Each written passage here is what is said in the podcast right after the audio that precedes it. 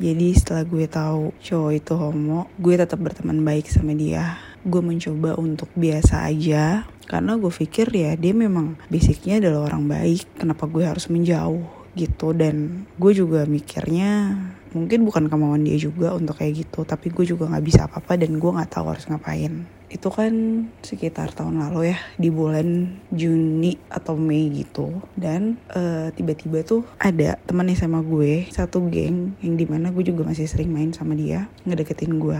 Setelah gue tahu cowok Bandung itu homo. Entah kenapa waktu satu geng yang di mana gue juga masih sering main sama dia dan si temen SMA gue ini tuh momennya pas banget nih masuk ketika keadaan gue lagi wah ambiar banget deh ya gitu kalau misalkan dijelasin Terus fun fact-nya adalah temen SMA gue ini salah satu cowok, temen cowok gue yang gue gak interest sama dia karena banyak red flag-nya gitu.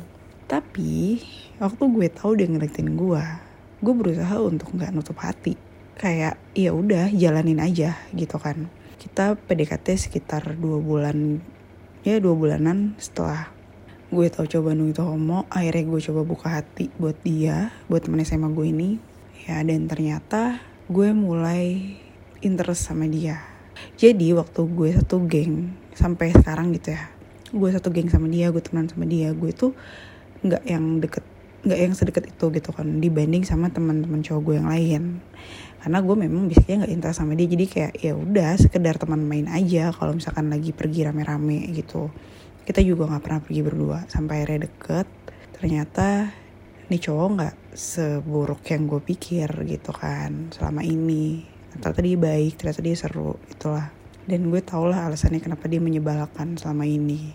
Dia tuh tipe cowok yang nyebelin banget emang. Bahkan di circle gue sendiri di satu geng gue itu banyak banget nih yang apa ya kayak udah tau lah red flagnya dia kayak gimana. Dia itu introvert terus silent treatment. Dan gue orang yang paling benci sama orang silent treatment. Jadi waktu nih cowok deketin gue gitu ya, dia tuh kayak gue tuh mikir berkali-kali bahkan gitu kan. Tapi ya balik lagi gue nggak mau menutup hati gue kan. Makanya gue coba dan ternyata dia juga berhasil untuk bikin gue interest sama dia. Ya sebut aja lah ya dia si boy. Jadi si boy ini akhirnya ngomong serius di hari ulang tahun gue setelah kita deket sekitar dua bulanan. Dan untuk pertama kalinya ada cowok ngomong serius sama gue. Kalian bisa bayangin kan gimana rasanya? Mix feeling banget. Jadi waktu dia juga akhirnya ngajakin gue serius untuk ke arah yang lebih baik gitu ya. Gue tuh di situ nggak tahu ya rasanya gimana. Happy? Ya gue happy tapi gue belum belum yang kayak sayang suka banget sama dia tuh belum. Baru suka aja interest aja gitu. Terus gue juga menghargai banget sama effortnya dia selama ini. Karena gue ngerasa banyak cowok yang deketin gue mereka tuh nggak berani untuk maju gitu loh. Entah karena apa ya. Dan gue salut banget sama si boy ini. Akhirnya dia maju sampai akhirnya dia ngajakin gue serius. Waktu itu yang gue rasain tuh gue ngerasa ya udah hati gue kan udah kosong aja kan si cowok Bandung ini ternyata homo. Gue juga ngerasa gue udah udah selesai aja sama masa lalu gue yang 8 tahun itu. Jadi ya udah gue terima dia. Gue bilang pada saat itu kita coba bareng-bareng. Kita coba karena dia juga udah lama banget nih nggak pacaran lebih lama dari gue.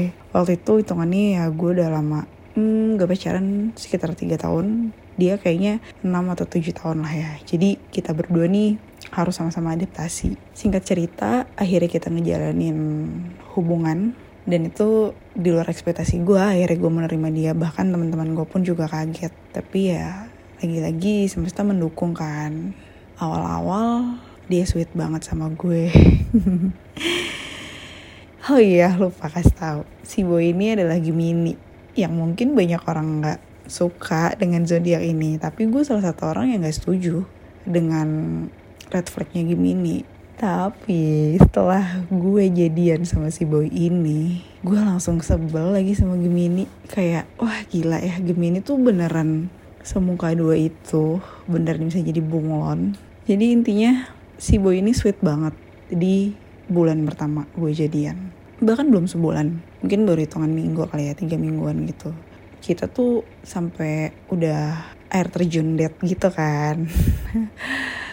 Dan oh ya kita tuh sama-sama suka banget traveling apalagi alam gitu. Makanya kita sampai ke air terjun bareng trekking bareng segala macam itu kita udah lakuin. Tapi ada part di mana sebelum ke air terjun gue pernah ngedate sama dia kayak kita olahraga bareng terus makan itu udah ngedate keberapa kali sih setelah jadi pacar. Gue ngerasa hati gue tuh nggak klik gitu sama dia. Kayak you know kan? Tapi gue mendenial itu karena gue mikir ini untuk pertama kalinya gue jadian sama orang. Gue belum suka sama dia. Mungkin gue harus belajar dulu nih gitu kan? Dan gue menghargai ketika ada orang yang suka duluan sama gue selama ini gue nggak bisa. Jadi kalau misalkan ada orang suka duluan pasti gue tolak. Karena gue nya nggak suka gitu kan? Cuman kemarin itu karena gue interest dan gue menghargai dia dan gue belajar untuk ya udah nggak ada salahnya gue nerima orang yang suka duluan sama gue gitu kan. Tapi ternyata itu susah banget guys. Beneran gue tiap ngedate sama dia tuh gue mencoba untuk apa ya uh, seakan-akan semua fine aja gitu. Padahal gue gue happy tapi feeling gue tidak feeling gue tidak gitu. Feeling gue tuh kayak kok gini ya jadinya hambar ya. Gue bahkan lebih happy ketika gue jalan sama dia sebagai teman bukan sebagai pacar gitu. Tapi ya sudah lah ya gue pada saat itu mendenial terus diri gue hati gue karena gue menghargai dia gue menghargai effort dia. Sampai singkat cerita hmm, tiba-tiba si boy ini langsung mau uh, ngenalin gue ke orang tuanya. Itu sebulan ya gue jadian gue dikenalin sama orang tuanya. Diperkenalkan as uh, pacar yang mau dibawa ke serius. Sampai ya kita udah ngomongin tanggal dan lain-lain. Pada saat itu gue bilang sama dia kamu yakin secepat ini maksud gue gue butuh adaptasi dulu gitu loh sebulan itu bukan waktu yang lama untuk kita sama-sama kenal kita kenal udah lama tapi kita nggak pernah kenal secara personal Terus dia ngeyakinin gue pada saat itu. Eh aku yakin sama kamu, aku mau coba, aku mau ini, aku mau itu. Oke, intinya gue ikutin semua plan dia. Karena di situ dia dikejar-kejar sama adiknya yang sudah punya deadline untuk nikahin pacarnya. Gue udah bilang di awal, adik kamu duluan aja yang nikah, aku nggak apa-apa gitu kan. Aku nggak mau keburu-buru. Tapi dia tetap ngeyel. Sampai ada momen di mana hmm, setelah gue ketemu orang tuanya, gue ngerasa chat-chatan kita selama ini tuh gak tulus dari hati kita sendiri kayak memang udah template aja lo harus ngabarin dan posisinya gue berdua tuh sebenarnya basicnya gak nggak suka chat intens. Bahkan kita PDKT aja seringnya DM doang dan itu chat-chatan pun ya kadang nggak balas sehari gitu ya. Kayak udah kita udah sama-sama tahu. Tapi ketika jadi pacar gue juga rada kaget kenapa nih cowok tiba-tiba bisa jadi intens ke gue ngabarin dari mulai bangun tidur sampai tidur lagi gitu kan. Gue juga belajar untuk jadi cewek yang ya ngabarin aja gitu. Padahal itu juga bukan gue. Dan tiba-tiba nih gue ngerasa ada yang aneh di hubungan ini. Gue akhirnya ngomong dong gue speak up karena gue tipe yang kalau ada apa-apa gue harus speak up. Gue nggak bisa mendem. Terus gue bilang intinya adalah gue ngerasa ada something di hubungan ini. Gue ngerasa kayak aku tuh ngerasa kamu tuh nggak bisa jadi diri kamu sendiri sama aku. Aku bilang gitu. Gue bilang gitu ke dia. Itu pakai voice note. Dia tuh gak suka teleponan juga. Waktu itu dia lagi dinas keluar kota dan kita nggak bisa ketemu. Chat gue gak dibales juga sama dia. Hari gue voice note panjang lebar. Dan gue bilang gue ngerasa ketika kita ketemu orang tua lo lo tuh nggak nggak nggak ngebuktiin plan yang udah lo bikin ke gue gitu loh. Maksudnya lo masih uh, sibuk dengan hobi-hobi lo udah kayak gitu akhirnya dia juga ngerasa ada something di hubungan gue. Dan tiba-tiba dia menghilang guys. Dia keluarkan itu habit dia yang silent treatment. Kalian tahu gue tiba-tiba didiemin selama dua mingguan gitu. Kayak gue chat dia nggak bales pernah gue chat lagi dia cuman bales singkat gitu. Yang di mana gue nggak tahu gue salah apa. Again gue ngerasa gila nih cowok. Untuk pertama kalinya gue di silent treatment sama cowok. Gue udah murka banget sebenarnya waktu itu. Tapi gue mikir oke okay, kita udah dewasa di sini. Udah nggak muda lagi gue sama dia gitu. Dan udah mau ke arah serius. Gue gak boleh egois. Gue harus coba untuk calm down pada saat itu. Tapi sampai akhirnya gue tuh hmm, kesel sendiri gitu ya. Gue cerita ke temen deket gue yang temen deket dia juga. Intinya kita satu geng. Gue bilang gue gak bisa di treatment kayak gini. Gue mau putus. Gue bilang gitu. Ya apalagi gue juga belum suka gitu ya. Kayak apalagi mau gue pertahanin gue belum suka sama dia gue belum ada feel. Kayak udahlah daripada nanti gue udah terlanjur suka gue udah terlanjur bucin gue makin susah lagi untuk lepas gitu kan. Dan akhirnya gue bilang gue chat sama gue chat dia. Gue bilang kalau misalkan ada waktu emang udah udah apa ya, ya udah udah udah selesai lah sama dirinya sendiri gitu. Gue minta kita ketemu. Setelah dua minggu akhirnya dia balas chat gue panjang banget nih ya kayak novel. Yang intinya adalah dia minta maaf sama gue karena dia udah ngediemin gue dia udah hilang gitu aja saling treatment yang gak jelas gitu ya. Terus dia bakal kabarin gue untuk ketemu. Seminggu kemudian dia ngabarin gue lagi kalau misalkan dia udah siap untuk ketemu. Oke akhirnya gue ketemu sama dia. Dan di situ akhirnya kita udahan intinya adalah benar apa yang gue rasain. Kita berdua itu sama-sama nggak jadi diri kita sendiri. Dan gue melihat dari sisi dia pun apa ya adaptasi itu nggak nggak nggak nggak butuh waktu sebentar gitu loh. Maksudnya kayak gue sendiri juga masih ragu ketika dia langsung ngajak serius sat sat sat sat ini tanggal kayak apa gitu kan. Gue masih butuh adaptasi gue masih butuh mengenal lo lebih jauh gitu. Di situ dia juga ngerasa kita terlalu terburu-buru. Oke okay. gue kalau dibilang kecewa gue kecewa banget. Karena semua plan gue ikutin. Semua plan dia gue ikutin pada saat itu. Tapi dengan enaknya dia juga ngudahin semuanya gitu aja. Dan yang lebih nyebelinnya lagi di akhir pembicaraan gue sama dia tuh kita saya sorry lah ya. Thank you buat semuanya ya. Basa basi lah kalau orang putus gimana sih? Dia bilang dong kita masih bisa tetap temenan kan? Hey menurut lo aja. Hati gue bukan mainan biarpun gue juga belum suka. Tapi gue tuh nggak gampang tuh nerima orang baru lagi setelah mantan gue yang lama itu. Udah gitu akhirnya kita pisah. Kalau dibilang pisah baik-baik mungkin iya. Tapi bisa dibilang pisah uh, abis itu temenan lagi juga enggak sampai sekarang habis itu gue sedih. Ya gue galau tapi cuman sehari dua hari. Habis itu udah. Gue bersyukur sih sama Allah. Dengan adanya si boy ini ya waktu itu gue ngerasa kayak wah akhirnya gue pacaran lagi gitu kan. Akhirnya gue bisa nih gitu. Dan gue belajar untuk nerima orang yang suka sama gue tapi gue belum suka sama dia. Dan dia datang juga di saat gue lagi amburadul banget gara-gara si cowok Bandung. Dan again gue gue sempat ke psikolog lagi. Karena gue ngerasa ada yang salah di dalam diri gue atau siapa gitu yang salah. Ya mungkin buat tenangin gue juga kali ya. Sampai sekarang gue mungkin bukan males ya untuk deket sama cowok. Lebih ke ya udah lo action aja di depan gue gitu. Hati gue udah bener-bener kosong sih dengan kejadian temen SMA gue itu. Dan yang lebih mengejutkan lagi gitu gue putus sekitar bulan Oktober terus akhirnya gue berhubungan lagi nih sama si cowok Bandung ini. Maksudnya berhubungan lebih ke kayak ya kita chat aja gitu kan as a friend. Jadi selama dua bulan kemarin gue jadian sama temen sama gue gue itu udah nggak pernah ngechat dia duluan kan si cowok Bandung ini. Karena ya gue ngerasa gue harus belajar untuk menghargai pacar gue gitu kan. Tapi mohon maaf nih ternyata pacar gue tidak menghargai gue jadi ya sudah lah ya. Terus gue putus uh, eh, gue ngechat lah si cowok Bandung ini. Gue kangen sama dia. Ya, tetap lah ya hati nggak bisa bohong gue kangen sama dia. Itu bulan November gue bilang uh, eh, gue mau ke Bandung. Lo free nggak? Ternyata dia lagi sakit waktu itu dirawat. Oke jadi gue nggak jadi ketemu dia. Dan uh, tiba-tiba tuh gue harus ada event bisnis gue di Bandung di bulan Desember awal. Gue butuh dia untuk ngebantu event gue lah pada saat itu di Bandung. Karena kan rumah dia di Bandung kan jadi gue butuh butuh tempat. Akhirnya gue ngomongin dia dan dia welcome. Ya dia orang baik dia welcome sama gue. Akhirnya dia mau ngebantuin gue pada saat itu dan gue pun nginep di deket rumah dia. Karena gue mikir gue tiap hari harus bolak-balik ke rumahnya untuk ngambil produk gue ke bazar yang bakal gue adain di Bandung.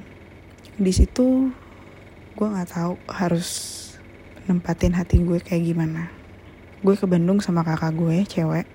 Gue cerita sama kakak gue tentang si cowok Bandung ini. Dan ya gue ketemu orang tuanya. Orang tuanya welcome sama gue. Dan gue juga ketemu dia. Dia itu tetap mengatrit gue dengan baik. Gue ngerasa lebih dari temen. Tapi entahlah ya.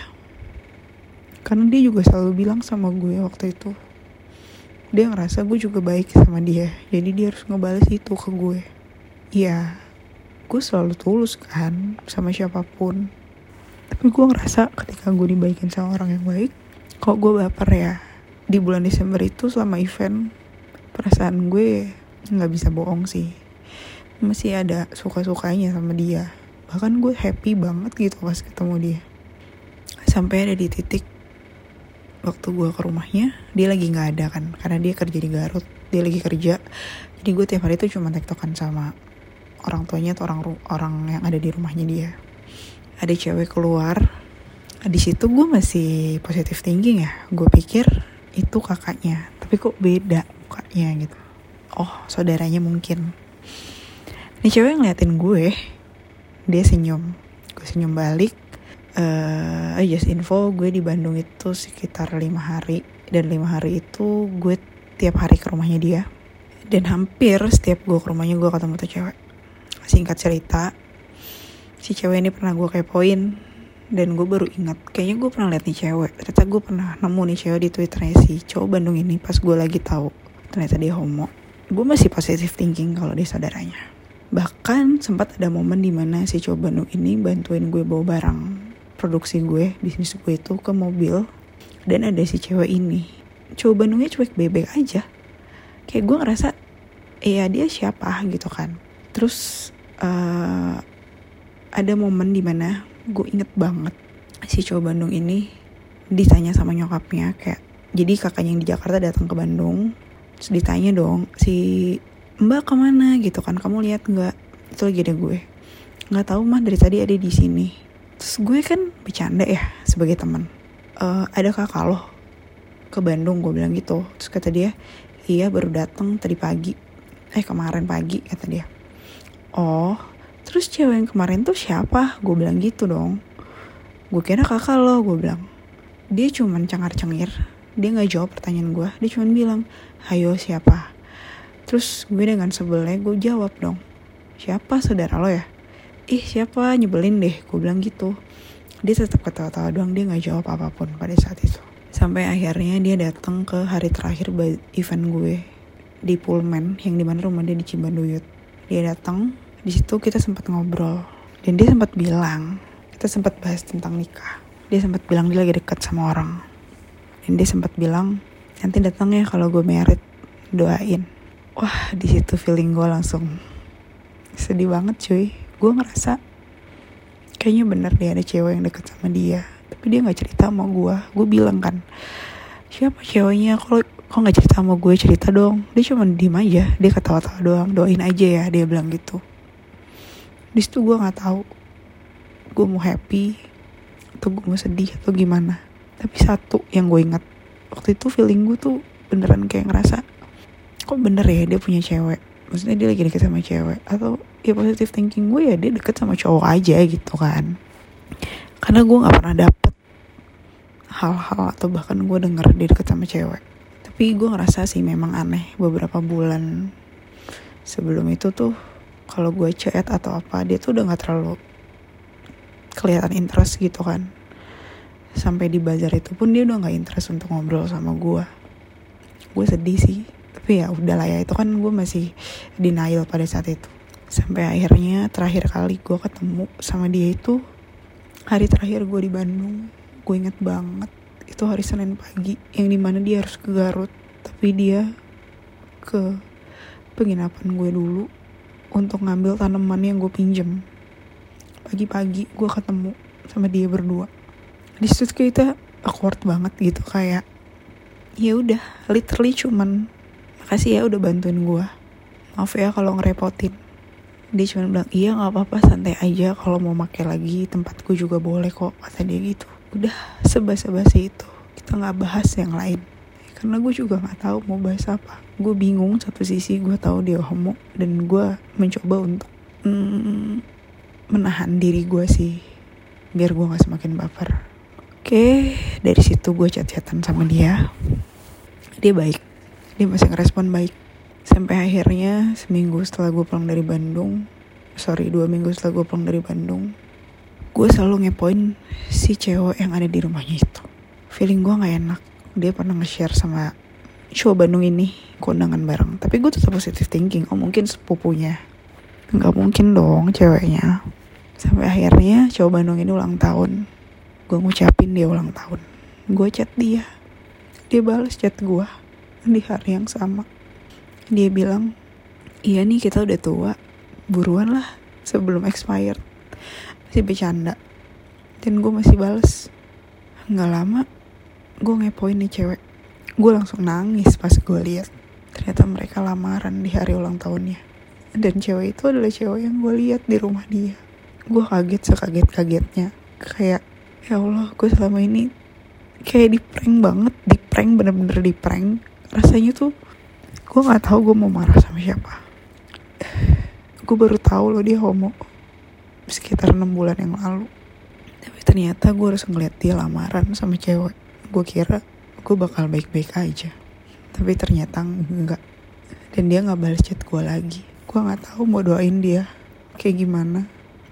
Sampai akhirnya dua bulan setelah dia lamaran dia nggak chat gue dia ngasih undangan. Itu adalah hal yang paling gue takutin hal yang paling gue takut nyesel ketika gue nggak berani ngomong perasaan gue ke dia.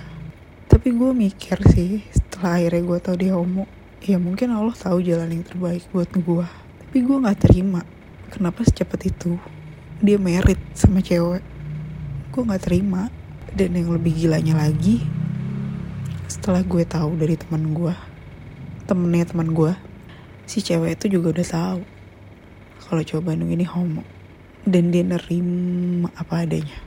Ya mungkin itu titik gue mengikhlaskan dia kali ya. Karena gue pribadi gue suka banget sama dia. Gue mungkin sayang sama dia tapi ketika gue tahu dia homo gue langsung mundur. Mundur semundur mundur ya. Gue nggak berani untuk maju. Tapi itu cewek seberani itu. Bahkan bisa tinggal di rumahnya. Gue yang gue nggak tahu sama sekali. Pas dia ngundang gue cuma bisa doain aja. Dan gue nggak datang karena gue mikirin diri gue sendiri sih. Semenjak itu gue udah nggak pernah ke Bandung sampai sekarang. Hampir setahun. Padahal dua tahun belakangan ini tiga tahun lah ya gue sering banget ke Bandung. Sering banget ke Bandung. Bahkan gue seambisius itu untuk bikin bisnis gue ada di Bandung. Satu sisi gue cinta Bandung dan satu sisi ada orang Bandung yang gue cinta.